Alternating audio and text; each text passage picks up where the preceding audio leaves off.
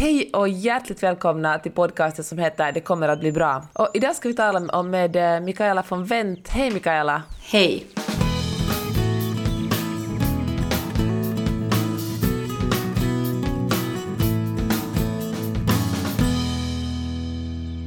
Du är VD på ett finskt designföretag och har en, eh, jag menar, du har en jättehög och fin post inom eh, näringslivet kan man säga. Och är du, är du lycklig med ditt jobb? Jag är jättelycklig med mitt jobb. Tack som frågar. hur, har du, hur har du kommit dit du är idag? Ja, äh, målmedvetet framåt. Jag har satt upp egna mål och, och jag sen har jag alltid velat göra sådana saker som jag trivs med och just nu så jobbar jag på ett finskt äh, familjeföretag och, och det där med design och möbler, det har varit jättespännande att, att göra en sån här transformation i bolaget från ett produktionsbolag till ett sälj och, och servicebolag. Hur jobbar du egentligen med dina målsättningar? Är det någonting du har haft ända sedan studietiden eller till och med ända sedan du var barn? Kanske det nog kommer mycket hemifrån och via uppfostran och sådär att, att jag kommer själv från en företagarfamilj. Så jag har sett uh, hur, hur det är så att säga. Att jag kanske har haft en sån här företagargen i mig hela tiden utan att kanske veta mm. om det. Uh, att jag grundade faktiskt mitt första bolag uh, i gymnasiet när jag var 16 år gammal med min bästa vän och min dåvarande pojkvän. Och det där, vilken Jaha, sån här, vi gjorde det? Mm, hördu, vi uh, tryckte och skar, uh, eller klippte visitkort. Mm. Uh, och det där, egentligen då blev jag kanske ja, intresserad. Det var egentligen via en, det var en kurs i gymnasiet som jag gick som hette företagsamhet. Och den var jättebra, jag tycker att alla, alla borde gå den. Samtidigt som när man tittar på de unga idag så går ju de flesta det och det är ju världens trend att bli startup-företagare och, och, och företagsledning är ju sånt som drar bra på, på businesshögskolorna. Men jag inte vet jag, på något sätt så har väl alla vägskäl i livet bara lett mig dit jag är idag. Att, att, att det gäller ju att ta de där besluten och våga fatta dem när de kommer och våga, våga ta, ta mod och, och tillfälle i akt helt enkelt. Om man nu råkar då, uh, som den här blev så att säga erbjuden, det låter så jättepretentiöst, men, men, uh, men när de kontaktade mig så var ju min första första kanske tanke att oj nej, att, att typiskt så kvinnligt att vem vill rekrytera en kvinna, en nybliven mamma? Tills jag insåg att det är kanske det vad jag gjort tidigare som har som min resu, re, renommé mm. uh, och, och, mina bevis i mina, hos mina tidigare arbetsgivare som har, som har gjort mm. att de är intresserade av mig. Jag tycker att man ska göra allting eller ingenting. Du ska ju inte ha en dålig chef, då ska du sluta eller byta jobb. Uh, kan du inte associeras med företagets vision, mission eller värderingar ska du inte heller jobba där. Jag tror det är ganska viktigt att du hittar den där det rätta. Att, att jag, har varit, jag har tidigare alltså jobbat bank och finansbranschen och det låter kanske lite tråkigt men det var, jag älskar jobbet just då. Det var jättebra vid sidan av studierna och jag skrev min, min graduavhandling för dem. Det var en bank alltså i Finland. Och, och sen jobbade jag på konsult, ett internationellt konsultbolag och det var också jättespännande. Men det, ja, det är ju förstås, det låter ju lätt att säga att man gör val i livet, men, men jag tror att det är frågan om de här små sakerna som du bara måste våga hoppa på och bara göra det beslutet. För ingen är någonsin tillräckligt färdig eller det aldrig, känns aldrig tillräckligt rätt. Det är aldrig rätt att byta, att byta arbetsgivare. När du säger det låter det så självklart, du låter som en så modig person, men jag det finns, det finns säkert en massa människor som sitter och känner att det här är fel men vågar aldrig ta det där steget. Vad kan du ge för råd åt dem? Jag tror att där måste man ju kanske tala med, med sina nätverk och, och ha sina bollplank. Uh, det ska ju kännas innerst inne att det är rätt helt enkelt. Men om man är osäker så måste man ju komma åt att vad är det man är osäker på? Är det, är det då osäker på arbete? Är det osäkerhet i team? Är det osäkerhet där hemma? Att, att det, det, finns ju ofta en, en förklaring varför, varför det känns mm. osäkert. Och sen helt enkelt bolla de här tankarna och idéerna med, med, med, med andra peers, så att säga. Att, att, att tala med sin mamma, tala med sin bästa vän, tala med en mentor.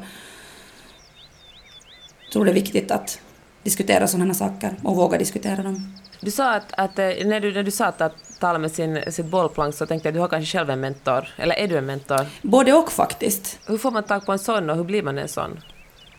Uh, no, det finns ju olika nätverk, man kan ju googla förstås, uh, men åtminstone i, i, i Finland så finns, har ju Ekonomförbundet till exempel och, och de här, vad heter de här kauppakamarit, vad heter det på svenska? Handelskammaren. Handel- Handelskammarna bjuder, erbjuder också mentoreringsprogram och så finns det så med Mentorit. Och, och ofta ju, har universiteten och högskolorna också sån här alumneverksamhet. Så det gäller ju bara att vara aktiv helt enkelt och hitta de här mentorskapsprogrammen. Så finns det ju några andra privata, Diamanten till exempel i Finland, sånt här. Att, att det, finns, det finns olika, men sen brukar jag uppmana andra att bara helt enkelt ringa upp, för alla vill ju hjälpa och du vill sällan säga nej.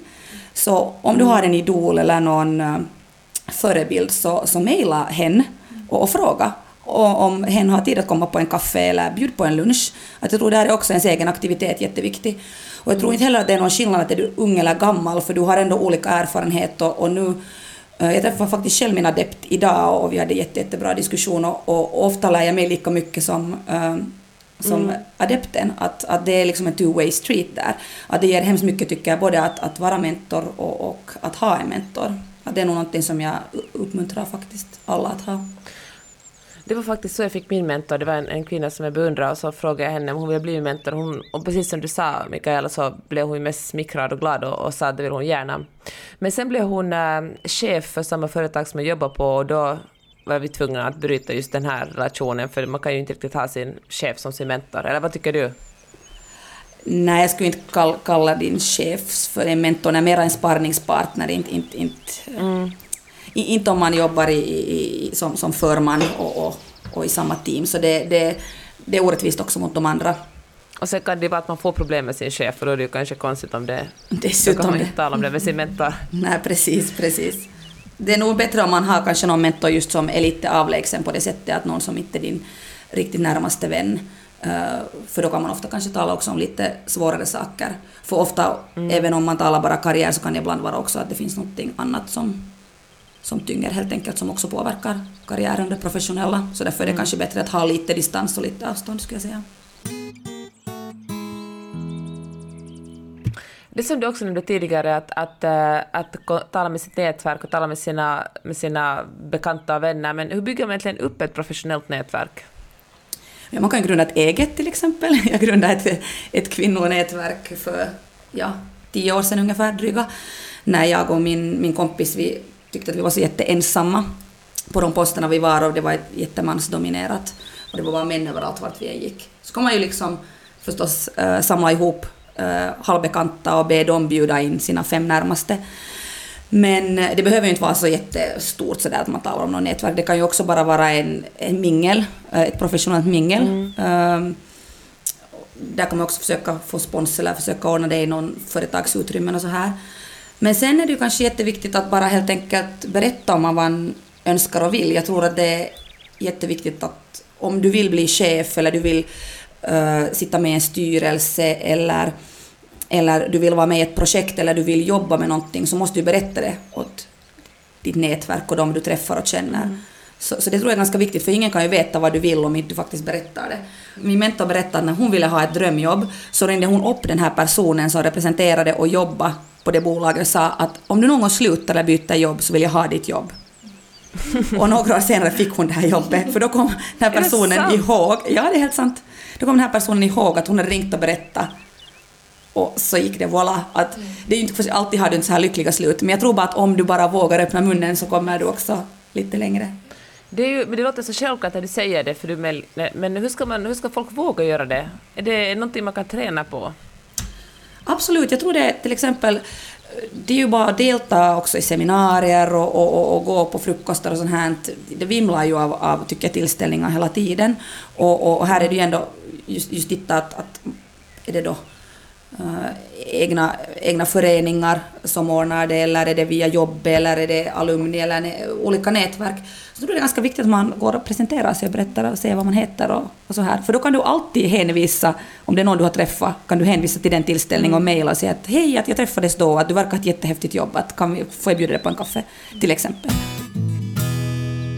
Hör du, eh, Mikaela, du verkar så passionerad, du verkar tycka så mycket om ditt jobb. Blir det ett problem för dig någonsin att, att du jobbar för mycket? Att det är för roligt och du har eh, för mycket att göra för att du ska kunna strukturera upp liksom tiden mellan fritid och jobb ordentligt? No, kanske nog ibland. Eh, Det finns sådana perioder. Samtidigt så se- anser jag också att om man nu är VD så då har du ju faktiskt ansvar för hela bolaget och då är jag VD 24 timmar i dygnet. Det mm. betyder inte att jag jobbar 24 timmar i dygnet, men du har ju ett visst ansvar. Sen måste du bara kunna prioritera de frågorna som är mest akuta och själv ta den där tiden att också vara ledig och, och, och ladda batterierna. Men att jag menar att det går ju, det, är, det går ju perioder som, som allting. Mm. Har du strukturerat upp livet då på något sätt så du bestämmer dig för att på, på fredag efter klockan sex jobbar du inte om det bara är möjligt, eller, eller låter du bara det gå och se vad som händer? Jag är nog mer den som bara låter det gå. Jag är lite dålig på sådana här strukturer, men kanske vi nu på det sättet försöker strukturera upp det just så att det stöder vardagen hemma och sådär, med tanke på hämtning och så här från, från, från dagis eller förskolor och, och skolor och sånt här. Men, att, men att det är nog kanske mer det att man planerar det, just att, att jag köper tjänster jättemycket, just som matkasse mm. varje måndag och, och, och städhjälp och sånt här. Jag skulle egentligen inte vilja gå och fråga dig hur man klarar av att vara VD och mamma, men, men jag vet att det finns så många människor som lever i ojämställda förhållanden och det är faktiskt en väldigt tydlig bromskloss i, i, bromskloss i deras karriärer. Så då, därför är jag tvungen att fråga dig, hur, ähm, vilka råd har du att ge rent sådär relationsmässigt ifall man lever i ett heteroförhållande och äh, är kvinna och vill göra karriär? Mm, no, att kommunicera med sin partner är väl det viktigaste. Och att försöka leva så, så jämställt som möjligt och 50-50. Det här är frågor som jag tycker man ska diskuterade i början av ett förhållande. Att, att vad båda förväntar sig av sina karriärer och, och vart de vill och vad de vill göra. Och, och, och samma sak om man vill bilda familj och man är sen så lycklig att man har möjlighet att få familj så är det också saker som man måste föra, eh, eller diskussioner man måste föra med sin partner långt före man ens börjar planera sånt här. Det tycker jag är hemskt viktigt. Och, och dela upp också föräldraledigheten och, och så här. Att, att, att där måste man tycka både, både kräva och, och, och ta och, och, och släppa helt enkelt greppet.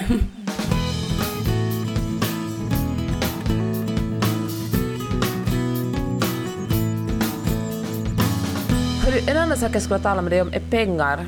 För att eh, det kanske bara är som jag upplever det, men jag upplever det som det är lite fulare för kvinnor att, att tycka om pengar än för män.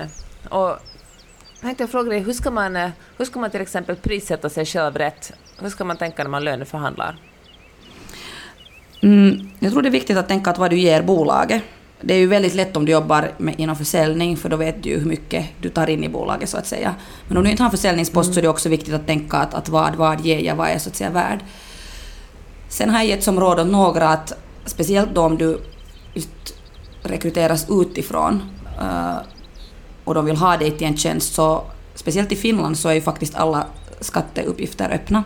Så du kan faktiskt titta vad den här, din föregångare har tjänat och så ska du lägga till 5 eller 10 procent för du är ju klart mycket bättre.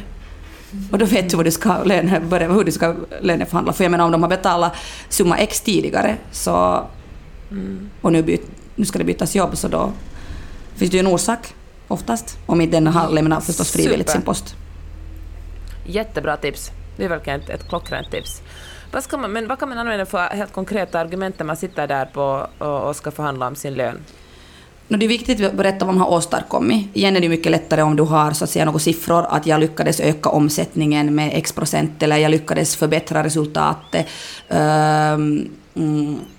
Men sen förstås om du inte jobbar med det så, så de flesta företag gör ju någon form av uh, personalbarometer, uh, så då kanske det finns någon sådana äh, personuppgifter du själv kan titta på eller presentera, att jag, har, jag ses som en bättre teammedlem eller jag har lett mitt team bättre, jag har fått bättre resultat än, än någon annan. Uh, om man, om, om, det beror förstås på hur stort bolag och organisation det är frågan om.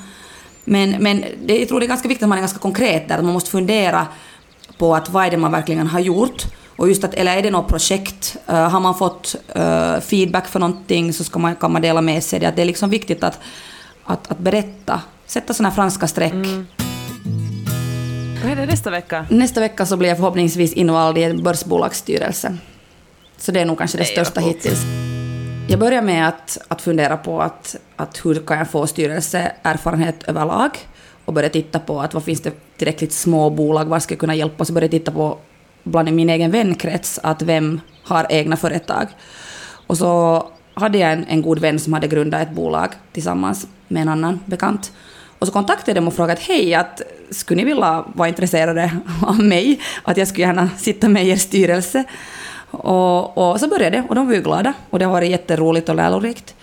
Men mest kanske jag har lärt mig för det här styrelseuppdraget är ju nog som VD, att, att du måste ju nog, om man är intresserad av styrelseposter så, så måste du nog sitta i en ledningsgrupp, ha resultatansvar eller sen då vara verkställande direktör, för då, då, då ser du precis allting och då, då förstår du um, helheten så att säga. Och då, då, måste du sätta dig in i allting. Då, då är allting på ditt bord, allt från HR till marknadsföring till, till försäljning till produktionen om du producerar du måste våga säga att, att jag vill sitta i en börsbolagsstyrelse. Du måste våga säga att jag är intresserad av, av en äh, styrelsepost.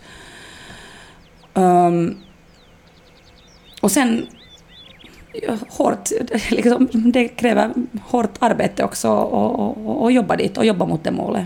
Hör du, Mikaela, har du något lifehack du kan dela med dig av? Ja, alltså att ha en Google-kalender som både dina kollegor och din partner och familj kan se, så du har allt i samma.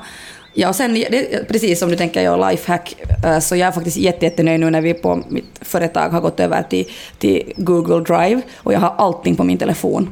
Det är så bra.